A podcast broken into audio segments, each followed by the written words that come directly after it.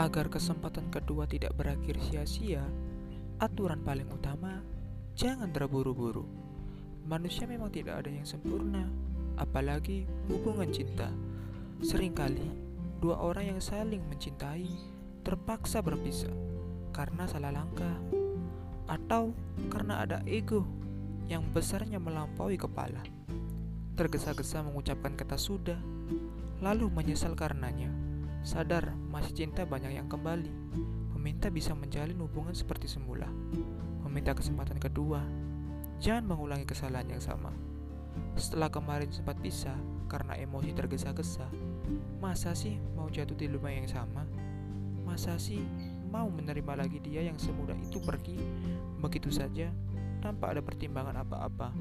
Masa sih mau membina lagi hubungan cinta dengan diawali kata sesal semata?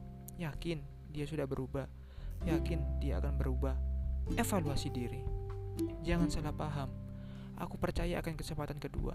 Namun, aku lebih percaya lagi kalau perubahan karakter itu butuh waktu lama dan tidak bisa sekejap mata. Dia yang belum bisa mengendalikan emosi, tidak pantas membuat orang lain sedih. Sebentar pergi, sebentar kembali lagi.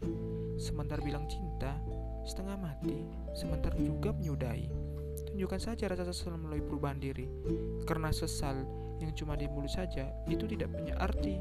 Menjadilah pantas, bukan merengek supaya dianggap pantas.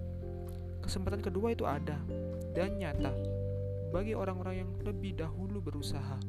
Kesempatan kedua bukan rencana aman untuk kembali ke mantan setelah tidak bisa mendapatkan gebetan. Kesempatan kedua terlalu mahal kalau hanya untuk coba-coba.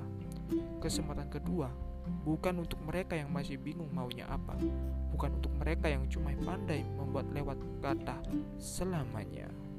Terima kasih, namaku Andri Gunardi.